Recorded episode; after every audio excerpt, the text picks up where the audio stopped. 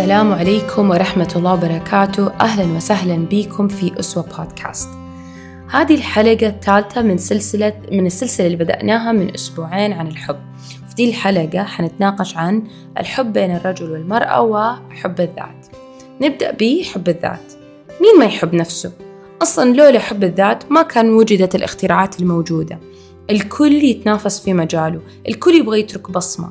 يتقدم على غيره. وفي ذا الزمن زاد الكلام عن حب الذات. حب نفسك نفسك أولا قدم نفسك على غيرك أحضن نفسك يعني بزيادة لدرجة أنه صار الموضوع له أثر عكسي. طب سؤال هل حب الذات ممكن يأذي؟ طبعا. الإجابة مرة طبعا. أنا مطالبة أني أنا أحب نفسي وأهتم بنفسي. لكن بالقدر المعقول.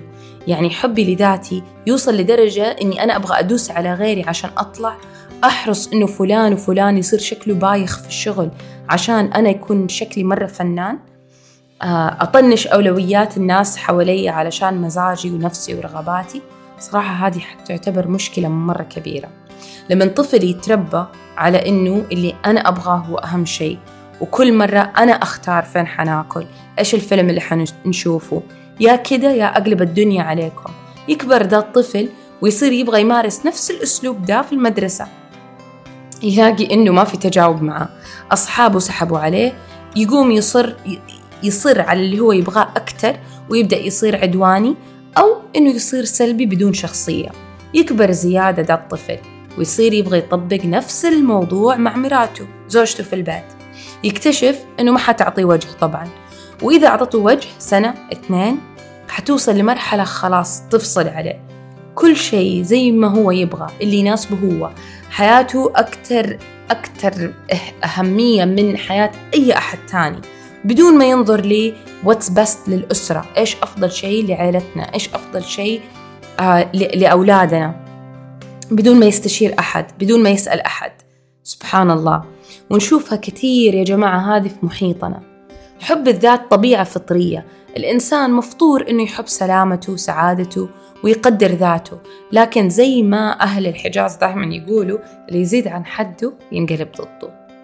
كيف حبي لذاتي ما يعميني عن حب الغير والاهتمام بالغير؟ من رأيي إنه الحل في دي النقطة إني أكون واعية لتصرفاتي أكون صادقة مع نفسي. هل أنا أهم شيء عندي نفسي؟ هل أنا بسمع للناس اللي حواليا إيش يبغوا؟ كيف يبغوا؟ ليش يبغوا ده الشيء؟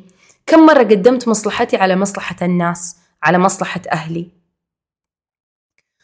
وبعد كده أبدأ يعني زي ما يقولوا فهم السؤال نص نصف الإجابة والاعتراف بالمشكلة نصف الحل فبمجرد ما أنا أعرف إنه هذا الشيء عندي دي المشكلة إني أنا بقدم نفسي في كل مرة على كل شيء وعلى كل أحد أبدأ شوية شوية بوعي آه، أقدم الناس على نفسي أقدم المصلحة العامة على مصلحتي الخاصة.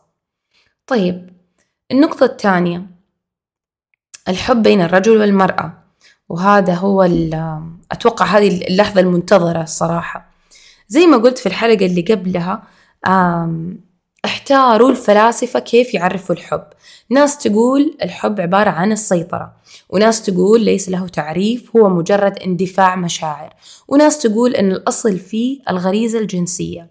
وناس تقول هي تجربة فريدة كل شخص يخوض التجربة بمشاعر مختلفة. الصراحة اللي يلفت انتباهي في ذا الموضوع واللي عن نفسي فتح عيني عن على الحب بمنظور مختلف تماما قول الله سبحانه وتعالى وجعل بينكم مودة ورحمة. كلمة الحب لم تذكر في القرآن بين بين الرجل والمرأة. طيب إيش المودة وإيش الرحمة وإيش الفرق بينهم؟ في اللغة الاثنين مرتبطين بالحب. الرحمة يقال الرحمة في بني آدم عند العرب رقة القلب وعطفه ورحمة رحمة الله سبحانه وتعالى وإحسانه ورزقه. وقيل هي رقة في النفس. تبعث على سوق الخير لمن تعد تتعدى إليه إيش يعني ذا الكلام؟ يعني مشاعر في القلب تجعل الإنسان أكثر رقة وعطف وإحسان و, و, و ويكون الإنسان معطاء أما المودة في اللغة هو الحب ويكون في جميع مداخل الخير والتو... إيش؟ والتواد والتواد التحاب وتودد إليه تحبب إليه بالأفعال والأقوال. يعني بالعربي الحب ال- الود معناته الحب لما يتحول لفعل. خلاصة الموضوع إنه المودة والرحمة كلهم نوع من أنواع الحب. الرحمة حب في القلب يظهر في حالات كثيرة أهمها حالات الضعف والانهزام والانكسار. يعني الرحمة تظهر أكثر شيء مثلا وقت الحزن وقت الضعف وقت المرض أطبطب على زوجي وهو مريض أكون معه معه وهو حزين أسمعه لما يبغى يشتكي. أما المودة هو الحب المترجم للأفعال يعني تعدى مرحلة إنها مجرد مشاعر كبيرة وجميلة. الود يستلزم فعل. أسوي شيء للشخص اللي أنا أحبه. يعني ممكن أطبخ له أكلة لذيذة. هذا يعتبر نوع من أنواع التودد لزوجي. ممكن زوجي يفتح لي باب السيارة. هذا برضو يعتبر نوع من أنواع التودد. ممكن زوجي يسوي لي قهوة, قهوة ويجيب لي الكيكة اللي أنا أحبها ويقول لي أنا أعرف أنك أنت تحبي دي الكيكة. برضو نوع من أنواع التودد. سبحان الله. الله سبحانه وتعالى يعلمني إنه الحب كمشاعر لوحدها ما تكفي. إنه عشان تبني تبني أسرة. ربنا بيفصل لي إنه المفروض يكون بيني وبين زوجي حتى تستقيم حياتي وحياته مع بعض نقدر نتعدى الصعوبات سوا ضروري يكون في مودة ورحمة. كأنها جلو كأنها كده غرة تربط العلاقة وتقويها. وفي أماكن تانية في القرآن الله سبحانه وتعالى يقول هن لباس لكم وأنتم لباس لهن. سبحان الله كلمة لباس برضو عميقة جدا جدا جدا. جميل يعني كيف ربنا بيوصف هذه العلاقة. أولا اللباس إيش بيعمل للجسد؟ أول شيء يستروا. يعني مطلوب بين الزوجين إنه يستروا بعض. ما أروح من باب الفضفضة أفضح زوجي عند صحباتي ولا عند قريباتي. ثاني شيء من فوائد اللباس اللي هي الحماية. يعني حماية من البرد من المطر من الشمس. اللبس يحمي من الهواء البارد. من من التراب. كذلك الزوج للزوجة والزوجة للزوج. المفروض إني أنا أحمي زوجي من أي شيء يأذيه وهو كمان يحميني. والحماية يا جماعة مو شرط إنه يحميني من مصيبة حتجيني أو خطر لا. ممكن يكون يحمي مشاعري من إنها تنأذي. أنا أحمي أمواله فلوسه كيف أقدر أحمي فلوسه؟ ثالث شيء اللباس إيش يعمل؟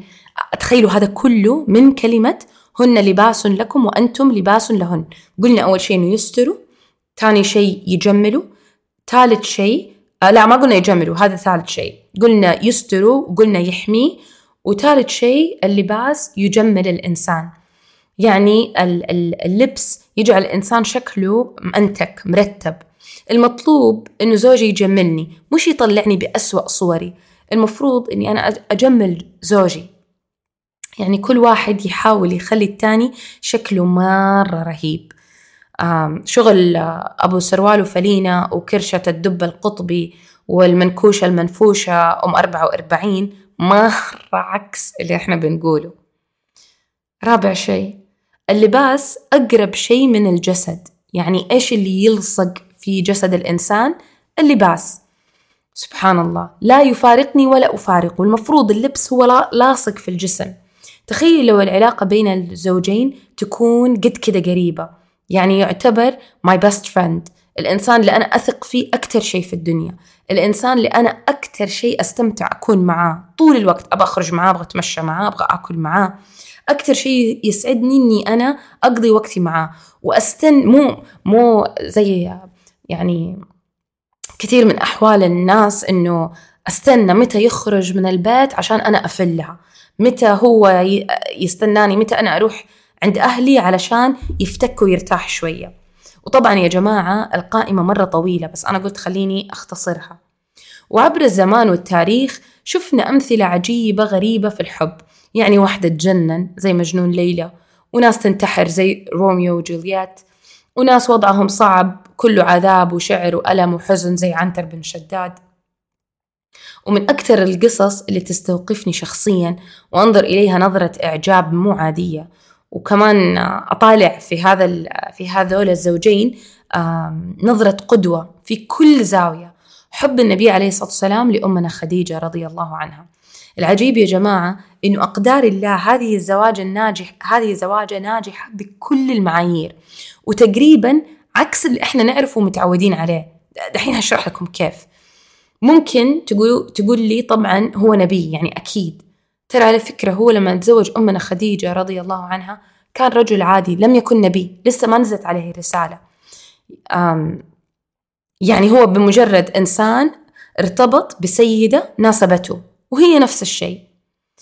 اللي أقصده في أنه علاقة النبي عليه السلام بأمنا خديجة عكس النورم اللي إحنا متعودين عليه العرف الاجتماعي. أول شيء أمنا خديجة أكبر من النبي عليه السلام ب 15 سنة. ثاني شيء هي أغنى من الرسول عليه الصلاة والسلام. Actually الرسول عليه السلام كان تقريبا تقريبا يشتغل عندها يتاجر لها. ثالث شيء أمنا خديجة رضي الله عنها حتنجب كل أولادها من الرسول عليه الصلاة والسلام وعمرها فوق الأربعين. رابع شيء الرسول عليه الصلاة والسلام يحب أمنا خديجة حب غير عادي. And he was very vocal about it. يقولوا ما ما عنده أي مشكلة. عليه الصلاة والسلام. كان يقول لقد رزقت حبها. رضي الله عنها. وأمنا عائشة كانت تحكي تقول ما من يوم إلا وذكر فيه رسول الله خديجة. يعني تخيل أمنا خديجة تموت سنين بعدها. يعني بعد ما تموت أمنا خديجة لأنه سو so أمنا خديجة حتموت تقريبا سنة عشرة من البعثة. طيب 3 years later ثلاثة سنين بعد موت أمنا خديجة الرسول حيهاجر للمدينة وحيعيش في المدينة عشر سنين كمان. فتخيلوا سنين بعد موت أمنا خديجة الرسول عليه كل يوم يجيب سيرتها. كل يوم كل يوم في سبب إنه هو يذكرها. يعني سبحان الله شيء غريب غريب سبحان الله. آه كان النبي عليه الصلاة والسلام يقول خير نساء العالمين أربع. مريم بنت عمران خديجة بنت خويلد زوجة فرعون وفاطمة بنت محمد سبحانك ربي وأخيرا حب الرجل والمرأة لبعض يعني الزوج والزوجة مهم جدا جدا جدا ليش؟ لأنه يعتبر الركيزة الأساسية اللي تقوم عليها الأسرة ليه أنا بقول ذا الكلام؟ لأنه يا جماعة الإنسان كل أحد يبغى يعيش قصة حب عجيبة رهيبة مرة حلوة a happy ending. الكل يبغى كذا. حرجع معلش للمثال اللي أنا أو القدوة اللي أنا مرة تعجبني اللي هو النبي عليه الصلاة والسلام أمنا خديجة. في هذا في هذا البيت اللي قائم على أسس حب صحيحة أسس حب قوية آه، أسس حب على يعني قائمة على شيء صح. ولدت قصص حب ناجحة تانية. زي فاطمة رضي الله عنها وعلي. زي مثلا آه، آه، زينب وأبو العاص بن الربيع. هذول كلهم أولاد النبي عليه بنات النبي عليه الصلاة والسلام مع أزواجهم. عثمان بن عفان وأم كلثوم وعثمان بن عفان ورقية رضي الله عنها. كلها قصص حب ناجحة جميلة جدا جدا جدا. هذه العلاقة هي أساس أساس البيت. أساس الأسرة. البيت كله يستمد قوته من هذا الحب. هذا الحب إذا كان مبني بشكل صحي تكون بمثابة آه، يعني إيش يسموها؟ قاعدة. البيت كله يقوم عليها. آه وبالتالي بيوت أخرى. ومهم برضو نركز على الربط بين الإنس... إنه الإنسان يحب نفسه وذاته وحبه لشريك حياته. إيش يعني؟ يعني أمنا خديجة رضي الله عنها قبل ما ترتبط بالنبي عليه الصلاة والسلام ما كانت إنسانة مهزوزة ما عندها سالفة ما عندها حياة ما عندها لا لا لا كانت إنسانة مرة ناجحة إنسانة معروفة في في في في المجتمع ذو مكانة وذو حيثية في المجتمع. والنبي عليه الصلاة والسلام نفس الشيء كان تاجر أمين صادق الكل يعرفه. فحب الإنسان لنفسه وإنه الإنسان أصلا لقى ذاته قبل أن يجد شريك حياته مرة مهم. لأنه تقريبا مستحيل أقدر أبني علاقة صحية مع شريك حياتي إلا لو أنا عندي علاقة صحية مع نفسي. وبكذا نكون وصلنا لآخر الحلقة. الله يرزقنا حسن استخدام الحب ويرزقنا الحكمة في صرف الحب. ويحفظ قلوبنا من مخاطر الحب وأمراض الحب وأثار الحب المؤذية.